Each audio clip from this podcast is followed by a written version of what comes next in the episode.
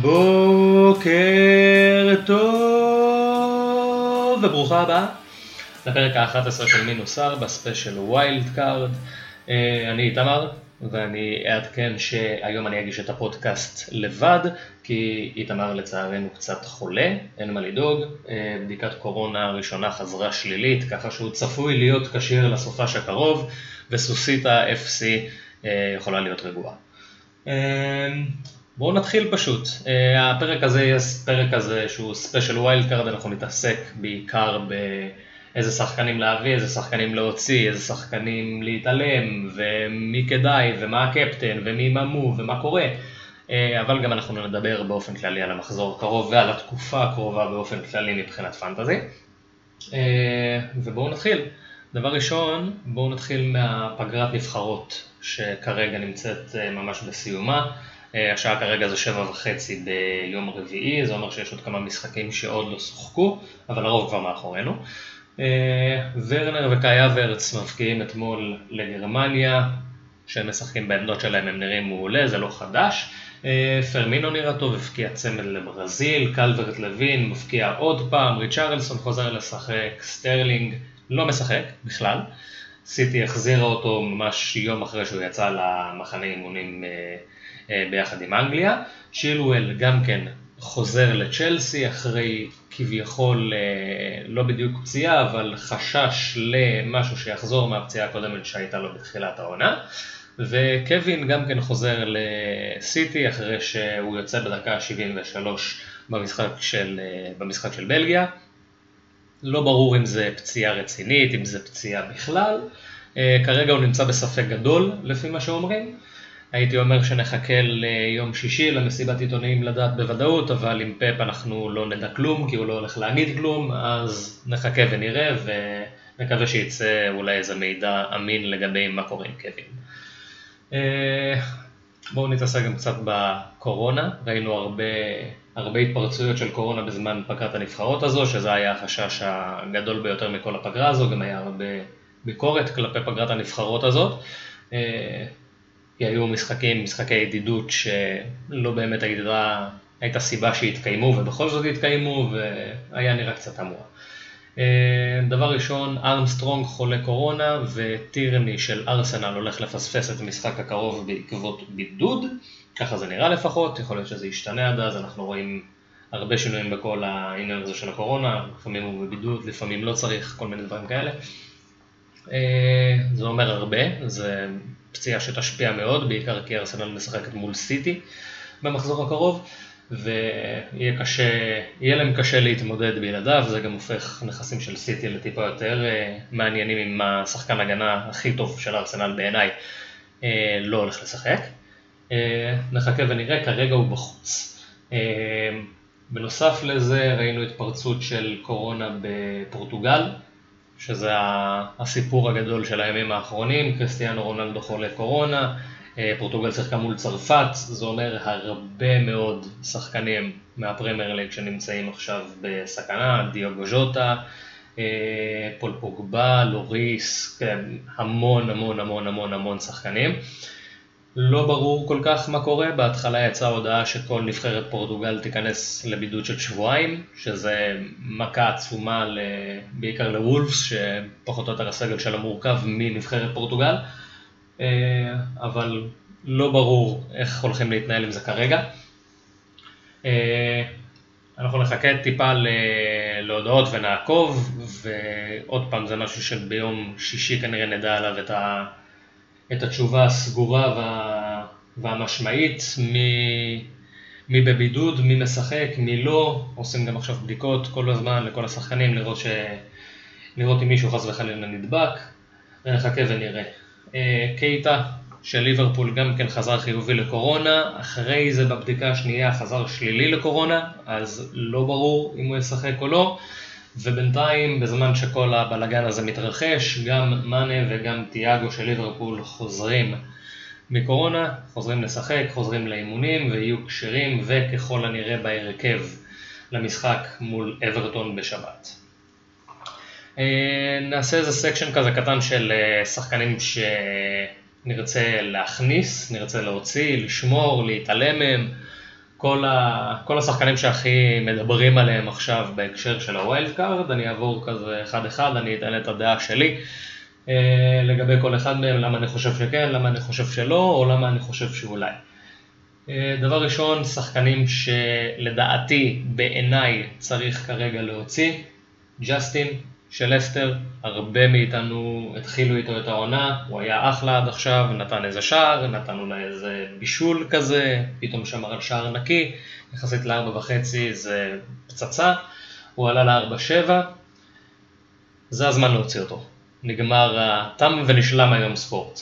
אה, פררה כבר מאוד קרוב לחזור, לא יחזור במחזור הקרוב, אבל כן יחזור כנראה במחזור 7, שזה אומר עוד שני מחזורים מהיום, כולל, חמ... הוא לא ישחק בחמישי השישי, שזה המחזורים הקרובים, ואז ישחק בשביעי, אבל נראה לי שהגיע הזמן. גם כי לוח המשחקים של לסטר לא כזה מזהיר בתקופה הקרובה, וגם כי המחיר שלו כנראה ירד, אני משער, אחרי המחזור השניים הקרובים, והגיע הזמן, אם אנחנו על wild card הוא עשה את שלו, מדובר במגן ימני שהוא מגן, מגן ימני שמשחק כרגע בשמאל ולא בדיוק עושה את זה כל כך טוב, ומה שקיבלנו ממנו עד עכשיו זה בגדר אה, נס. אז נראה לי שהגיע הזמן שלו ללכת, יש גם אופציות הרבה יותר טובות, בטח אם אנחנו על wild card. אה, מיטשל של אה, קריסטל פלאס, ון אנהולט חוזר באופן רשמי, הוא כבר הודיע בטוויטר שזהו, שהוא כשיר, שהוא חוזר. אה, אני משער שבמחזור הקרוב אנחנו כבר נראה את אנהולט בהרכב, אני לא בטוח, אבל אני משער. זה אומר שמיטשל איבד את המקום שלו, הוא התחיל ב-4 מיליון, כרגע הוא 4-1, המחיר שלו כנראה יתאזן חזרה ל-4 מהר מאוד ברגע שהוא לא פותח.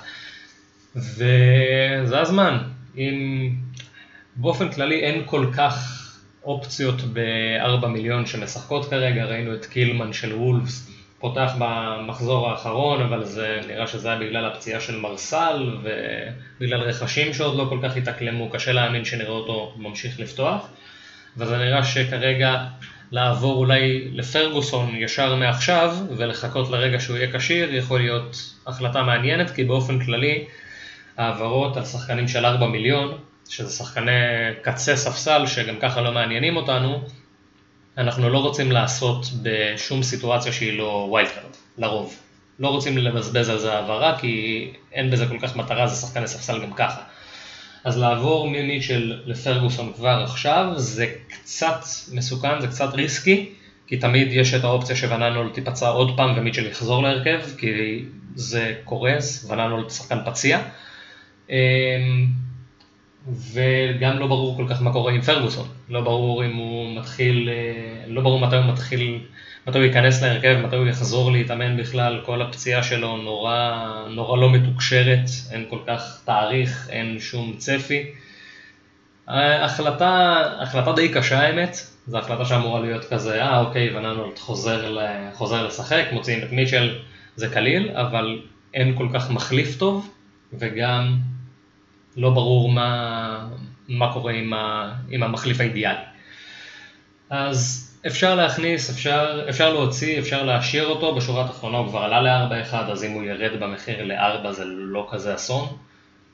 החלטה שנתונה לפרשנות, אני כרגע עדיין איתו בהרכב, כי אני לא יודע כל כך מה לעשות איתו, אבל אולי זה ישתנה.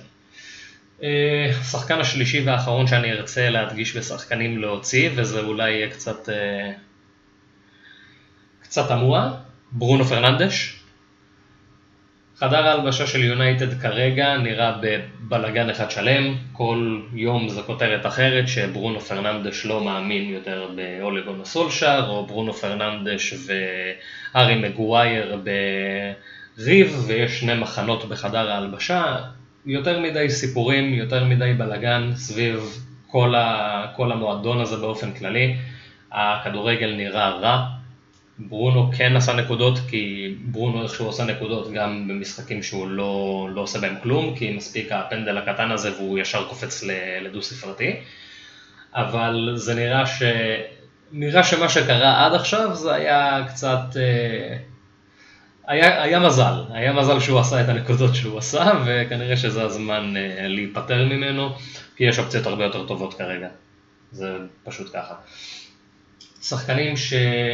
אנשים דווקא מוציאים ואני חושב שכדאי לשמור, זה גם כן עוד שלושה שחקנים, טרנט אלכסנדר ארנולד, הוא עדיין המגן הימני הכי טוב בעולם, הוא עדיין סופר התקפי, הוא עדיין יביא נקודות, הוא כן עולה שבע וחצי מיליון שזה קשוח, ואם כל מי שעל wild card כנראה יעשה את המעבר הזה של טרנט לרוברטסון, כי זה הגיוני ולגיטימי וזה נכון, אבל מי שלא על wild card, להוציא את טרנט כרגע, לא הייתי עושה את זה, בטח שהמשחקים של ליברפול ממחזור 6 נראים הרבה הרבה הרבה יותר טובים, וגם אנחנו לא יודעים עד כמה...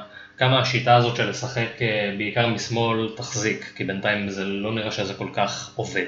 זה עובד טוב, אבל זה לא, זה לא הכדורגל שראינו ב, בשתי העונות האחרונות, וזה לא נראה שזה עושה טוב לטרנט בוודאות, זה לא עושה טוב, אבל זה גם לא נראה שזה מוציא, מ, מוציא מרוברטסון איזה משהו יותר קיצוני ממה שהיה בו. אז אני הייתי מחכה ונראה, הייתי מחכה בינתיים, ולא לא הייתי מתרגש, לא הייתי מוציא את טרנט. אם אתם על wild card, כמו שרוב האנשים ש... ששומעים כנראה את הפודקאסט הזה, אז כן הייתי עובר לרוברטסון. קווין דה בריינה, גם, עם, גם על wild card, גם לא על wild card, אני לא הייתי מוציא. זה פשוט, הוא השחקן הכי טוב בעולם, בעיניי. הוא יביא נקודות, הוא סיים עונה שעברה בתור אה, בתור השחקן שעשה הכי הרבה נקודות ב fantasy. כן, הוא פעמיים רצוף עכשיו בשני מחזורים, לא עשה כלום, עשה שתי נקודות, לא הבקיע, לא בישל, לא שום דבר. גם חוסר מזל, גם הרבה החטאות של, אה, של החברים מסביב, גם המחסור בחלוץ תשע שהולך להשתנות עכשיו שז'סוס אה, חוזר לשחק. לא הייתי ממהר להוציא אותו, הוא כבר ירד במחיר מ-11.7 ל-11.6. עדיין לא הייתי מוציא אותו, אני עדיין איתו, למרות שאני על wild card, אני לא רואה את עצמי לא משחק איתו. זה הכל, זה פשוט, זה צ'ק בנקאי, זה בנקר. לא, לא הייתי בורח עכשיו ולא הייתי נבהל משני המחזורים האחרונים. מי שראה גם את המשחקים האלה יודע בדיוק למה. אה, השלישי והאחרון זה בארנס. אנחנו רואים הרבה, הרבה פוקוס על ג'ק גריליש עכשיו, שהוא שחקן מעולה ומדהים והכל בסדר, בטח מ, גם מבחינת פנטזי, גם מבחינת שחקן באופן כללי. אה, אז אנחנו רואים הרבה מעברים של בארנס לגריליש או בארנס למישהו אחר. בשורה התחתונה בארנס עדיין משחק בקבוצה בעיניי טובה יותר, למרות שאני לא הכי מחזיק מלסטר עדיין, אני חושב שהם יותר טובים מאסטון וילה. הוא משחק כמעין חלוץ שני לוורדי, ככה הוא שיחק גם בתחילת העונה הזו, גם בחצי, ה... בחצי השני של העונה שעברה. לא הייתי ממהר בכלל לברוח ממנו. אה, כן, לסטר לא מדהימים, אבל אני לא חושב ש... אבל באופציות שיש בשבע מיליון, אני חושב שהוא בין האופציות הכי טובות שיש. אני מבין את, ה... אני מבין את העילה שיש כרגע סביב ג'ק גריליש, אני מבין את, ה... את הרצון אה, להביא אותו ולשחק איתו, ואני מבין את המעבר הזה מבארנס לגריליש, אני עדיין לא חושב שהוא כזה נכון. הייתי מחכה בעיקר, הייתי מחכה עם גריליש גם באופן כללי. אה, שחקנים שבעיניי צריך להתעלם מהם. אה, דבר ראשון אנטוניו של וסטאם, אנחנו ראינו אותו נותן באמת צוקות כדורגל מדהימות. אה, אנחנו גם יודעים מה הוא מסוגל לעשות, ראינו אותו מביא רביעיות וצמדים והוא באמת, הוא שחקן שמסוגל להביא מספר דו ספרתי של נקודות כמעט בכל משחק. אבל כרגע אין מה לעשות, המחזורים עדיין קשים, למרות שווסטהאם מתמודדת מעולה עם הלוח משחקים ההזוי הזה שנפל עליה, עדיין יש להם עוד משחקים קשים אפילו יותר ממה שהיו להם בתחילת העונה הזו, וזה משתנה רק במחזור 8, ממחזור 8 הייתי קופץ עליו ישר, הוא כבר ירד ל-6-3, אני מאמין שהוא יישאר ב-6-3 עד מחזור 8, אלא אם הוא ממש יפציץ ואז פשוט יכניסו אותו בלי קשר למחזורים. אה, אבל אם הוא גם לא יתפקד במחזורים הקרובים, יש גם סבירות לא קטנה שהוא ירד במחיר עוד, שזה בכלל מעולה. אז בעיניי זה שחקן שאנחנו נרצה להכניס במחזור 8, לא כרגע, למרות שהוא מעולה ומדהים.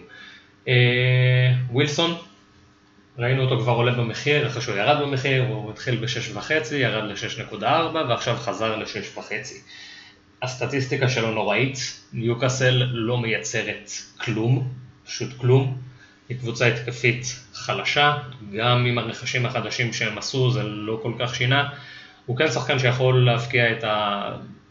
את השער במשחק הזה מאיזה חצי הזדמנות, כן יש לו את זה בערך, הוא גם מגיע להזדמנויות טובות, הוא עושה את הריצות האלה, הוא על פנדלים, שזה תמיד עוזר, אבל הסטטיסטיקה ממש רעה, וניוקאסל נראית רע מאוד. כל מי שראה אותם משחקים יודע את זה שניוקאסל לא נראה טוב. אז לשחק, להכניס את ווילסון כרגע לא נראה לי כל כך הגיוני. יש אופציות בעיניי הרבה יותר טובות, אני חושב שמופאי זה אפילו אופציה הרבה יותר טובה ממנו. ווטקינס כנראה זו אופציה אפילו יותר טובה. ווילסון פשוט משחק בקבוצה שלא מייצרת, וכן, הוא עשה עד עכשיו הרבה נקודות, אבל אנחנו לא יכולים לרדוף אחרי נקודות שכבר uh, הרוויחו אותן. אנחנו משחקים על נקודות שנקבל בעתיד, לא על נקודות שפספסנו בעבר, וצריך לעשות את ההפרדה הזאת. Uh, השחקן השלישי זה ווטקינס, למרות שאסטון וילה נראית מעולה, למרות שאסטון וילה מקום שני בליגה, למרות שג'ק גריליש בכושר הכי טוב שהוא היה בו ever, למרות שווטקינס פתח את, ה... את הקריירה שלו בפרמייר ליג עם שלושה מול האלופה, עדיין הייתי מחכה קצת, הוא חדש לליגה, היה לו משחק מעולה, היה לו 90 דקות מצוינות, אני לא חושב שזה מספיק בשביל להכניס אותו פנימה לתוך הקבוצה. אם הוא על פנדלים זה משנה הרבה מאוד, כי אם הוא על פנדלים הוא נורא מעניין, אותו דבר לגבי ג'י גריליש. מי מהם שיהיה על פנדלים, אלא אם זה יהיה רוס ברקלי ואז באסה, אבל מי מהם שיהיה על פנדלים יהיה כנראה האופציה ללכת עליה מההתקפה של אסטון וילה, אבל באופן כללי בינתיים לדעתי יש שחקנים יותר מבוססים, יותר מוכרים, שעדיפים כרגע על ווטקינס ועל ווילסון. אה, האחרון, ואני אומר את זה רק כאמצעי זהירות, כי ראיתי פתאום כל מיני אה, דיבורים על להכניס אותו, זה הגוארו. הגוארו לא הולך לשחק במחזור הקרוב, אני אומר את זה די בביטחון, למרות שהוא כביכול כשיר, אני אומר את זה על פי ההיסטוריה, על פי חומרת הפציעה שלו ועל פי היכרות עם איך סיטי ועם איך פפ מתנהלים עם הגוארו. הגוארו לא הולך לשחק במחזור הקרוב, הוא חזר מפציעה קשה מאוד. הגוארו לא שיחק כדורגל באופן קבוע למעט איזה משחק שניים באמצע ממרץ 2020. זה אומר שבעה חודשים. לא הייתי מכניס אותו כרגע. הוא כן אופציה לעתיד, הוא מסתנכרן מעולה גם עם, עם קיין ועם ורדי, נקודות מחיר דומות. בעתיד הוא נראה כמו אופציה מעולה, גם הוא יורד במחיר בינתיים והכל אחלה. כרגע להכניס את הגוורו נשמע לי הזוי, אני לא חושב שיש בזה שום היגיון, אני חושב שייקח לו הרבה מאוד זמן לחזור לכושר, וגם באופן כללי, אמרנו את זה גם בפוד הקודם, לוקח לאגוארו בדרך כלל כמה שבועות טובים להתניע חזרה אחרי פציעות. אז לקחת שלושה, ארבעה שבועות, לראות מה קורה, אם הוא משחק, כמה הוא משחק, איך, אה, איך זה מסתדר עם ז'זוס, לחכות בינתיים, אין שום סיבה להכניס אותו כרגע, באמת שאין. אה, שחקנים שהייתי מסתכל על להביא, שזה החלק היותר מעניין של הפודקאסט הזה וכנראה הסיבה שבגללה אה, רובכם שומעים. אה, דבר ראשון ריאן ברוסטר הוא בעיניי מעל כולם ב wild card הזה לכל מי שעושה את ה wild card הקרוב, אבל הוא מעל כולם אם אנחנו משחקים במערך של שני חלוצים. מי שרוצה לשחק 3-5-2, 4-4-2, עם אופציה ל-לשחק 4-3-3 מתי שיש לברוסטר משחקים נוחים, ואם ובמידה והוא יהיה באמת מצוין ומעולה ויפקיע בצרורות, אז אפשר באמת לשחק איתו כשחקן הרכב, כרגע זה להביא אותו על תקן של שחקן ספסל. 4.5 מיליון, הוא ככל הנראה פותח, יש לו המון כדורגל ברגליים, אני חושב שבכל מערך שמשחק עם שני חלוצים או אחד הוא חובה, כי הוא המאפשר הכי טוב שיש במשחק, ב-4.5 מיליון שחקן פותח בהתקפה אין דבר כזה, גם אין בחמש. אה, אז אני חושב שהוא פשוט חובה בכל, חובה בכל קבוצה, גם הפוטנציאל והתקרה שלו עצומים. אה, שחקנים נוספים שראינו במחירים האלה שפתאום התפוצצו זה ג'יימי ורדי וארי קיין. גם ארי קיין וגם ג'יימי, ג'יימי ורדי הגיעו במחירים האלה של 4.5, 5, 5.5 והם פשוט התפוצצו והיו השחקנים עם, ה, עם הערך למיליון הכי גדולים במשחק, כל אחד בעונתו. אז ברוסטר כמה שיותר מהר בעיניי, אם אתם על wild card, כדאי, אלא אם אתם משחקים איזה 4-3-3 ואתם רוצים אה, לשחק גם עם אה, מופי וגם עם אנטוניו, משהו בכיוון הזה, אני יכול להבין. אבל באופן כללי, ארבע וחצי מיליון, הוא שווה את זה ממש. השני זה, בואו נדבר קצת על הגנה. איילינג, יש את איילינג, יש את דלס, שניהם דומים במידה מסוימת, אחרי שכבר ראיתי מספר משחקים של לידס, אני חושב שאיילינג עדיף. הוא מאוד מאוד מאוד ישיר, הוא מאוד מאוד מאוד התקפי, והוא שחקן שמבקש את הכדור אליו כל הזמן, כל הזמן. כל רגע שהכדור לא אצלו, הוא מחפש איך שהכדור יהיה אצלו.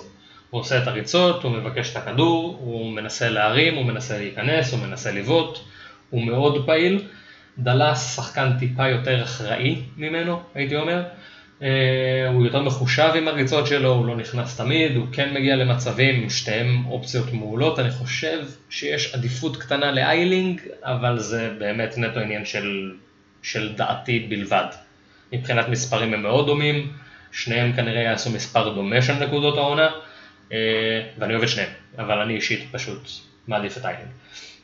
אה, למפטי, כל עוד, אה, כל עוד הוא כשיר, הוא כנראה המגן הימני, או כנראה המגן או השחקן הגנה הכי, הכי טובים במשחק, במחיר הזה של 4.5 הוא כבר 4.7, הלוח משחקים של ברייטון מעולה לזמן הקרוב, יש לו איזה פציעה קטנה ב hamstring, הוא גם כרגע מסומן כ-75% שהוא ישחק, לא בטוח, אה, אני, עוד לא ברור מה, מה יקרה עם זה, ביום שישי במסיבת עיתונאים כנראה שנדע בוודאות, אה, כי בניגוד לגוורדיולה, אה, כאן אנחנו כאן נקבל אינפורמציה.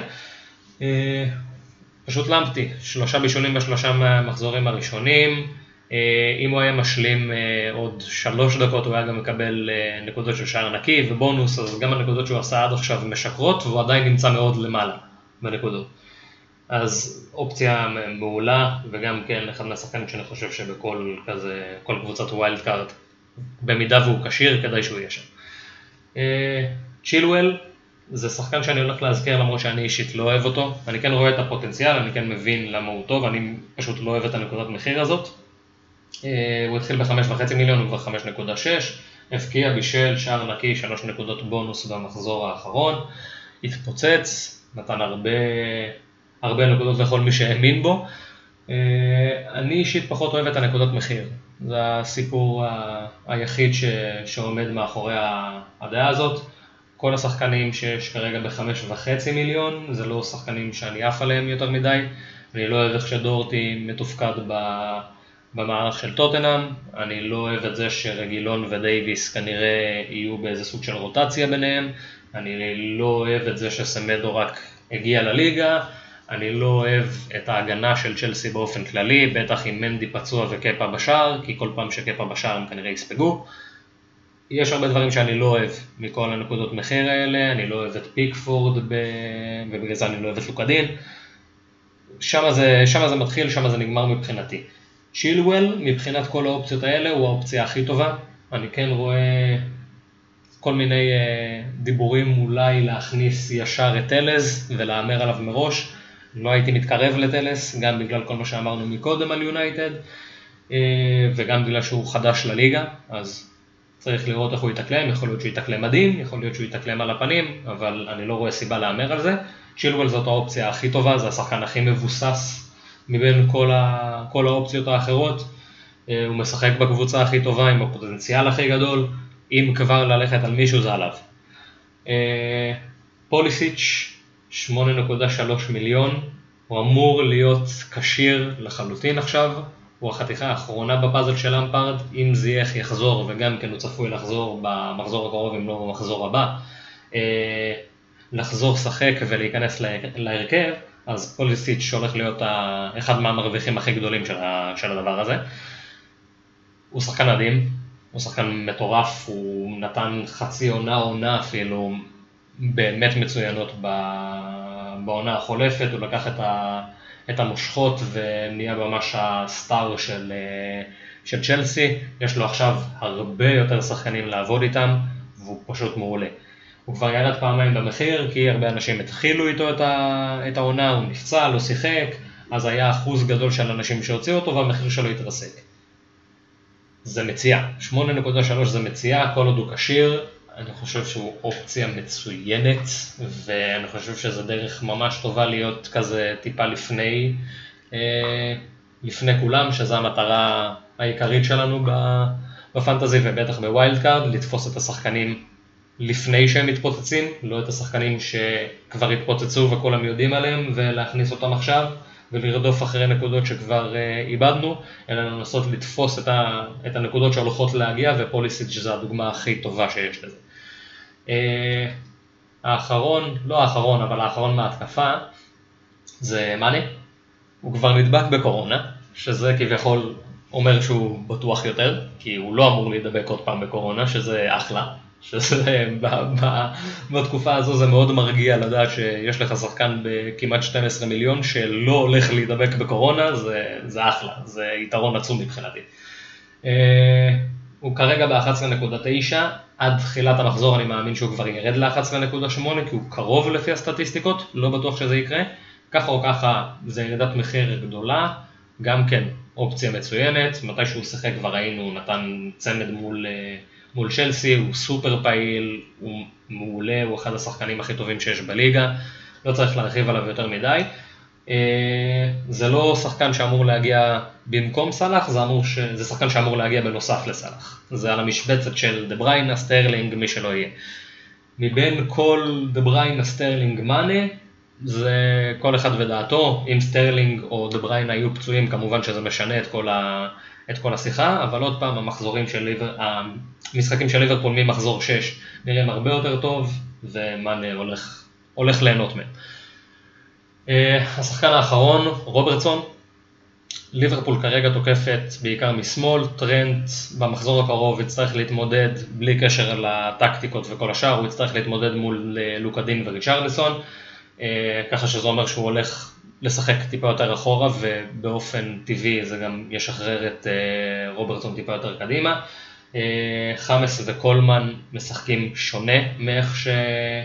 מאיך שרישרלסון ולוקדין משחקים, בדרך כלל המשחק של אה, אברטון פשוט נבנה בימין, שחמאס כזה מתנהל עם הכדור בימין ואז מחפש את הכדור הארוך לרישרלסון או ללוקדין, ואז מעביר פשוט את, ה, את המשחק מימין לשמאל. אנחנו לא נראה יותר מדי פריצות של קולמן ושל, אה, ובטח לא של חמאס, כי לחמאס אין את הרגליים לעשות את הפריצות האלה, אז זה רק קולמן, מה שאומר שרוברטסון עוד פעם יהיה הרבה יותר פעיל התקפית.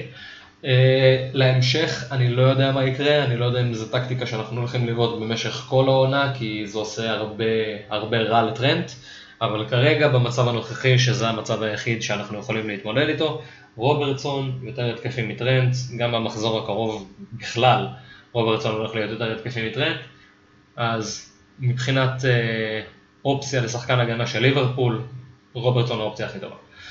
Uh, כמה שאלות כאלה שעלו לאוויר בתקופה האחרונה וכדי שנענה עליהן זה קלברט לוין או רישרליסון.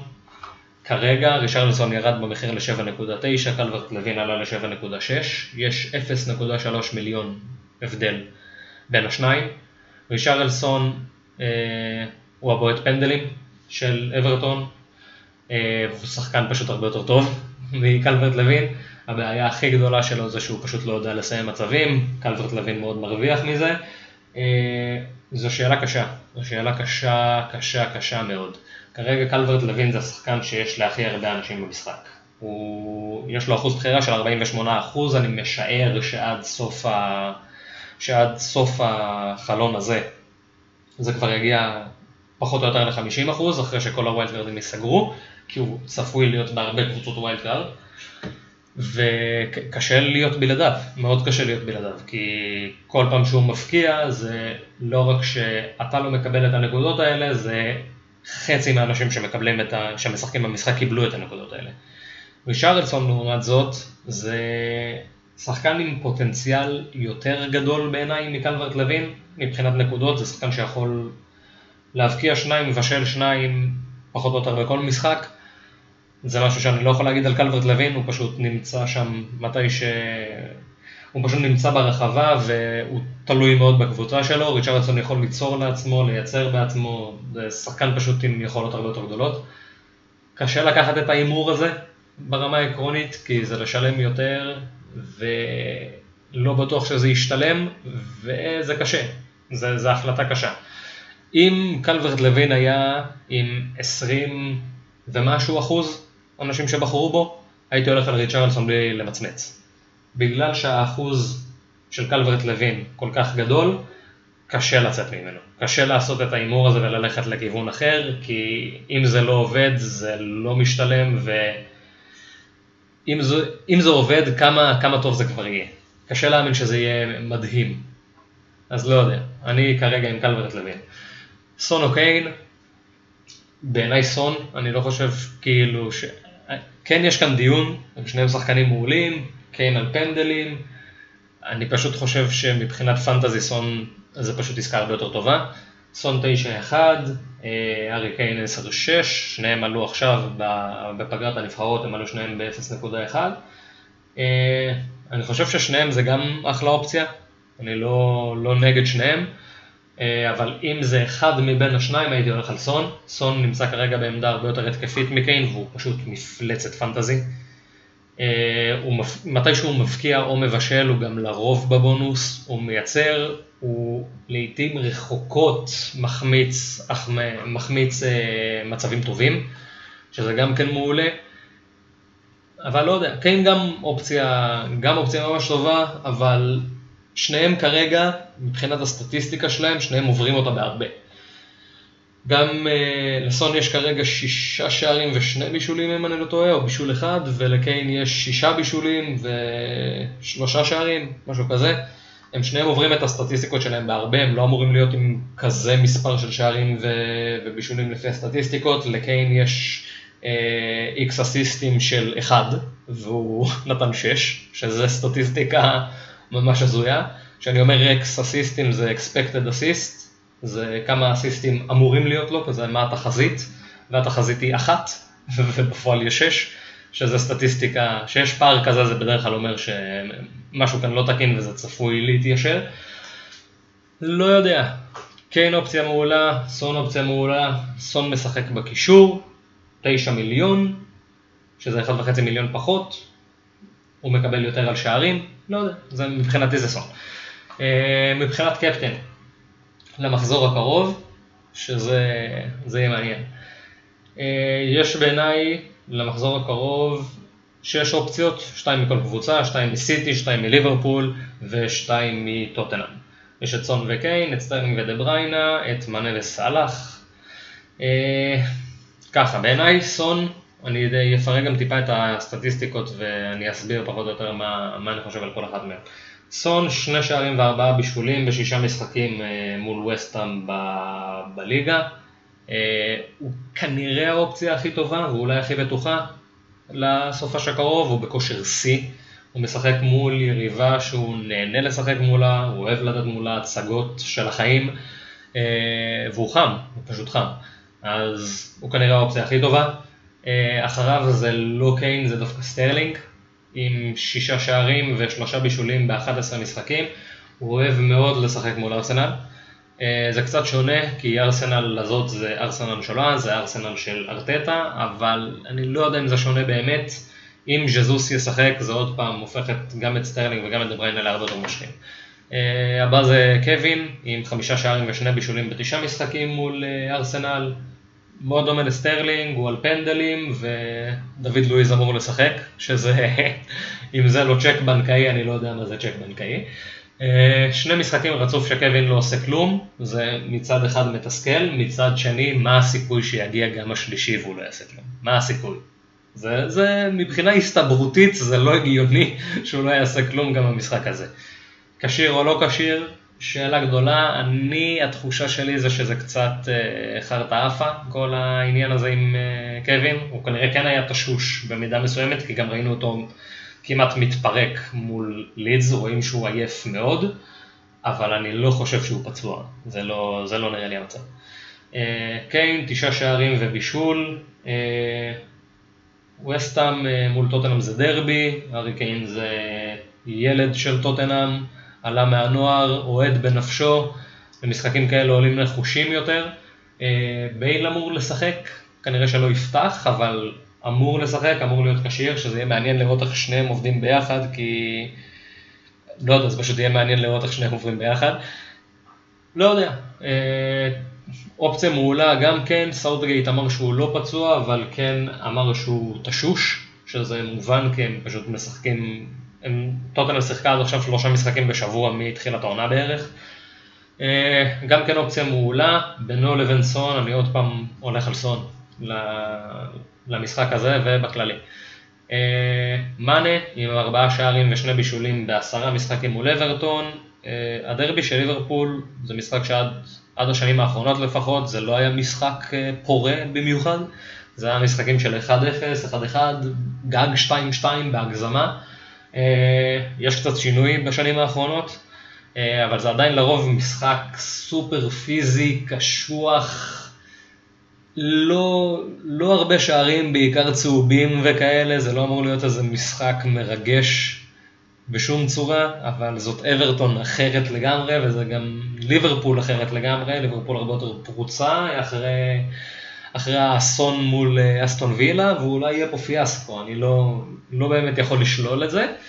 אה, בין מאנה לסאלח הייתי הולך על מאנה במשחק הזה, אה, גם כי סאלח עם שער אחד בשלושה משחקים מול אברטון זה לא סטטיסטיקה טובה, מי יודע כמה, ואברטון תוקפת בעיקר מצד שמאל, כמו שאמרנו מקודם. זה אומר שלסאלח הולכת להיות עבודה הגנתית במשחק הזה. הוא חייב, הוא חייב לעזור לטרנט במשחק הזה, כי גם ריצ'רלסון וגם לוקה דין זה, זה לא מספיק גם אם, גם אם זה גומז, ו... גם אם זה גומז וטרנט ופביניו זז לעזור להם, זה לא משנה. הוא יצטרך טיפה, טיפה לעקוב אחרי, אחרי לוקדין וכן להפעיל אה, טיפה לחץ וזה יוריד אותו טיפה יותר עמוק. אז מאנה נראה, נראה אופציה טובה יותר מבין השניים. אני אגיד מראש שאת החלק הבא תיקחו בערבון מוגבל, כי כמובן שהכל עדיין נתון לשינוי, אבל אה, אם אנחנו כבר כאן, בואו, אה, בואו נדבר על מה, מה הקבוצה שלי, פחות או יותר, ב wild card. לא פחות או יותר, מה הקבוצה שלי כרגע ב wild card, אה, אני אנסה להסביר כזה את הבחירות שעשיתי, שום דבר כאן לא סגור 100% עד הסוף, אבל אני אנסה להסביר את, ה, את הרציונל שמאחורי מאחורי כל בחירה, קחו את זה לאיפה שאתם רוצים. בשער, מרטינז וסטיר, אני לא חושב שיש כאן יותר מדי אה, מה לציין, מרטינז השוער ב-4.5 הכי טוב שיש בליגה, מבחינת יכולת, מבחינת השחקן עצמו. Uh, אסטון וילה נראים אחלה, שמרו על שני שערים נקיים מתוך שלוש, יש לו הגנה טובה לפניו, עם ג'וני קאש, קונסה, מינגס, זה הגנה באמת טובה. זהו, בעיניי פשוט האופציה הכי טובה. שיכולה להיות מבחינת שוערים. האופציה האחרת שהייתי הולך עליה, אם לא הוא, uh, זה כנראה על, uh, על סאות'המפטון, על מקארתי. אה, לא, הייתי, לא הייתי לוקח את ריין בגלל שאני חושב שלמפטי אופציה יותר טובה מריין, ואני חושב שעקרונית הייתי הולך על למפטי ו...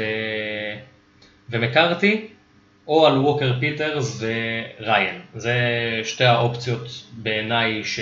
שצריך לשחק איתם, ולמפטי אה, מקארתי פשוט נראה אופציה הרבה יותר טובה.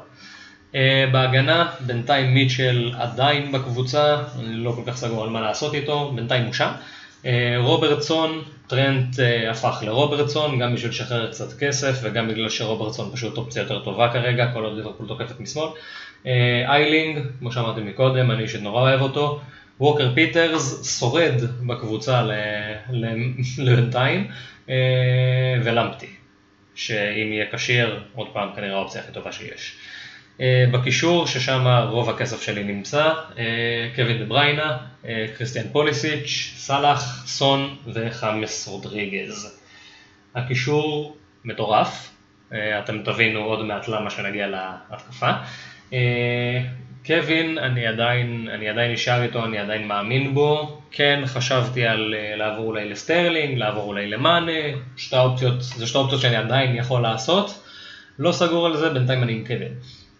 פוליסיץ', כאן אני חושב ש... פה זה ניסיון פשוט להיות כזה לפני כולם. Uh, אני רואה סיטואציה שעוד שבועיים כולם מנסים להכניס את פוליסיץ', שאני רוצה להיות שם לפני, אני אוהב אותו מאוד, שחקן סופר ישיר, שחקן מעולה, מוקף בשחקנים כישרוניים לצידו. אה, זה היה אמור לעבוד בתחילת העונה, זה היה קצת צולע, אבל נראה שלמפרד אה, מבין פחות או יותר מה הוא צריך לעשות. ואני הולך בינתיים עם פוליסיץ', מקרה הכי גרוע זה יתפוצץ לי בפנים. סאלח, אין מה לדבר בכלל לדעתי, סאלח צריך להיות בכל קבוצה, אני לא רואה שום סיבה שסאלח לא יהיה בקבוצת פנטזי של אף אחד. אה, יונג מינסון, כושר מטורף, זה הכל. חמאס רודריגז, הכנסתי אותו בשבע וחצי, הוא הולך לעלות עוד מעט לשבע תשע, כרגע הוא בשבע שמונה. אה, קווין דה בריין על העניים, זה, זה פחות או יותר אותו שחקן, רק שחמאס פחות טוב ומשחק בקבוצה פחות טובה, וזה הכל.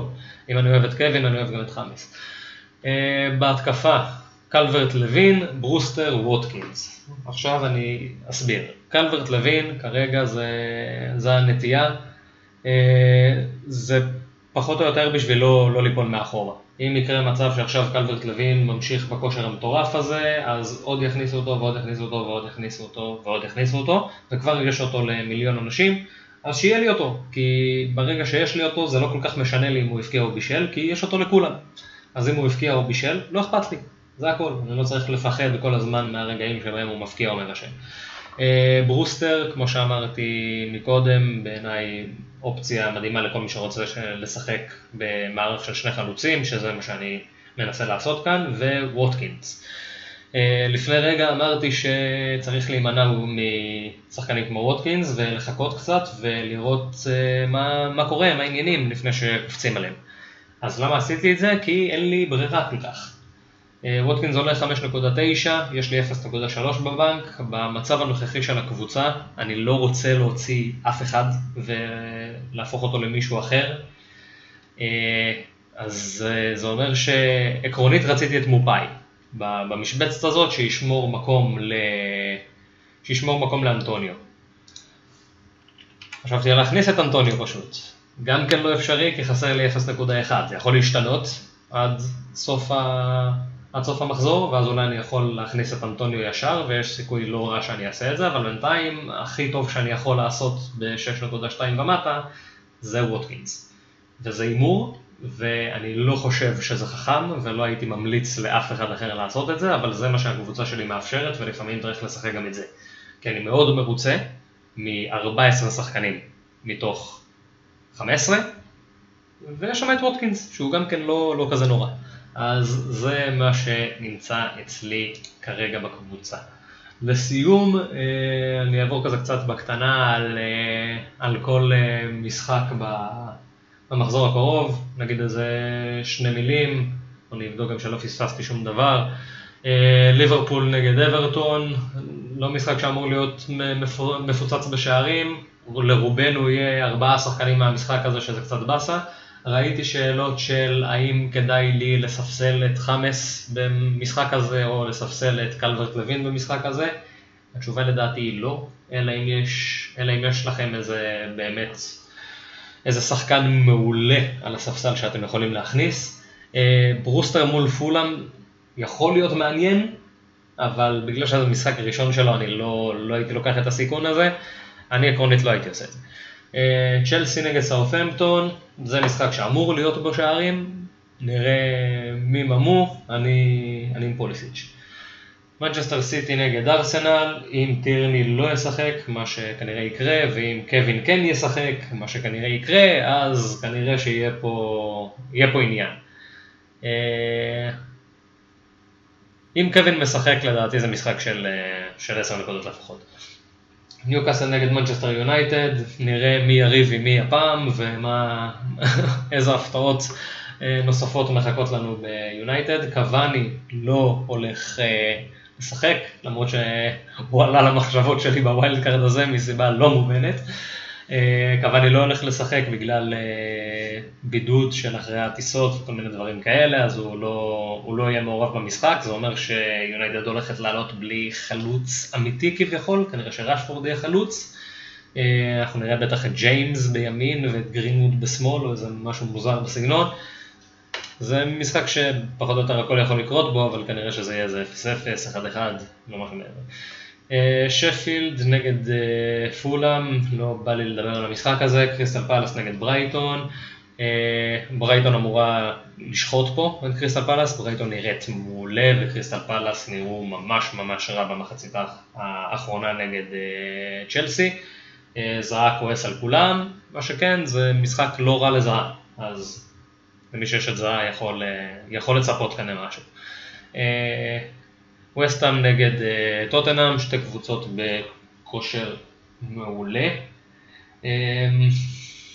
אם ווסטהאם תצליח להפתיע גם פה זה, זה, כבר יהיה, זה כבר יהיה יותר מדי. לסטר נגד אסטון וילה, אה, אני מאמין שאנחנו נראה הרבה, הרבה התלהבות מאסטון וילה יורדת אחרי המשחק הזה. לסטר עם אה, פחות או יותר עם הרכב מלא, מדיסון אמור להיות כשיר, פרט כשיר, אה, פררה עוד לא יחזור, אבל פחות או יותר הרכב מלא. יהיה מעניין, ציון שהוא ספג איזה פציעה קטנה בפגרת נבחרות, אני לא חושב שזה אמור להוציא אותו מהמחזור הקרוב, אבל מי יודע, נראה. ווסט ברומיץ' נגד אה, ברני, ווסט ברומיץ' הרגע החתימו, את, אה, החתימו חלוץ מה, מהצ'מפיונשיפ ב-15 מיליון, אני לא כל כך יודע מי זה, מה הוא, למה הוא, נחכה ונראה, אולי יהיה לנו עוד אופציה מעניינת בזול. אה, ברנלי נראים רע, זהו, זה משחק לא מעניין, לרובנו לא יהיה שחקנים מאף אחד מהם, אז אין כל כך מה לדבר עליו.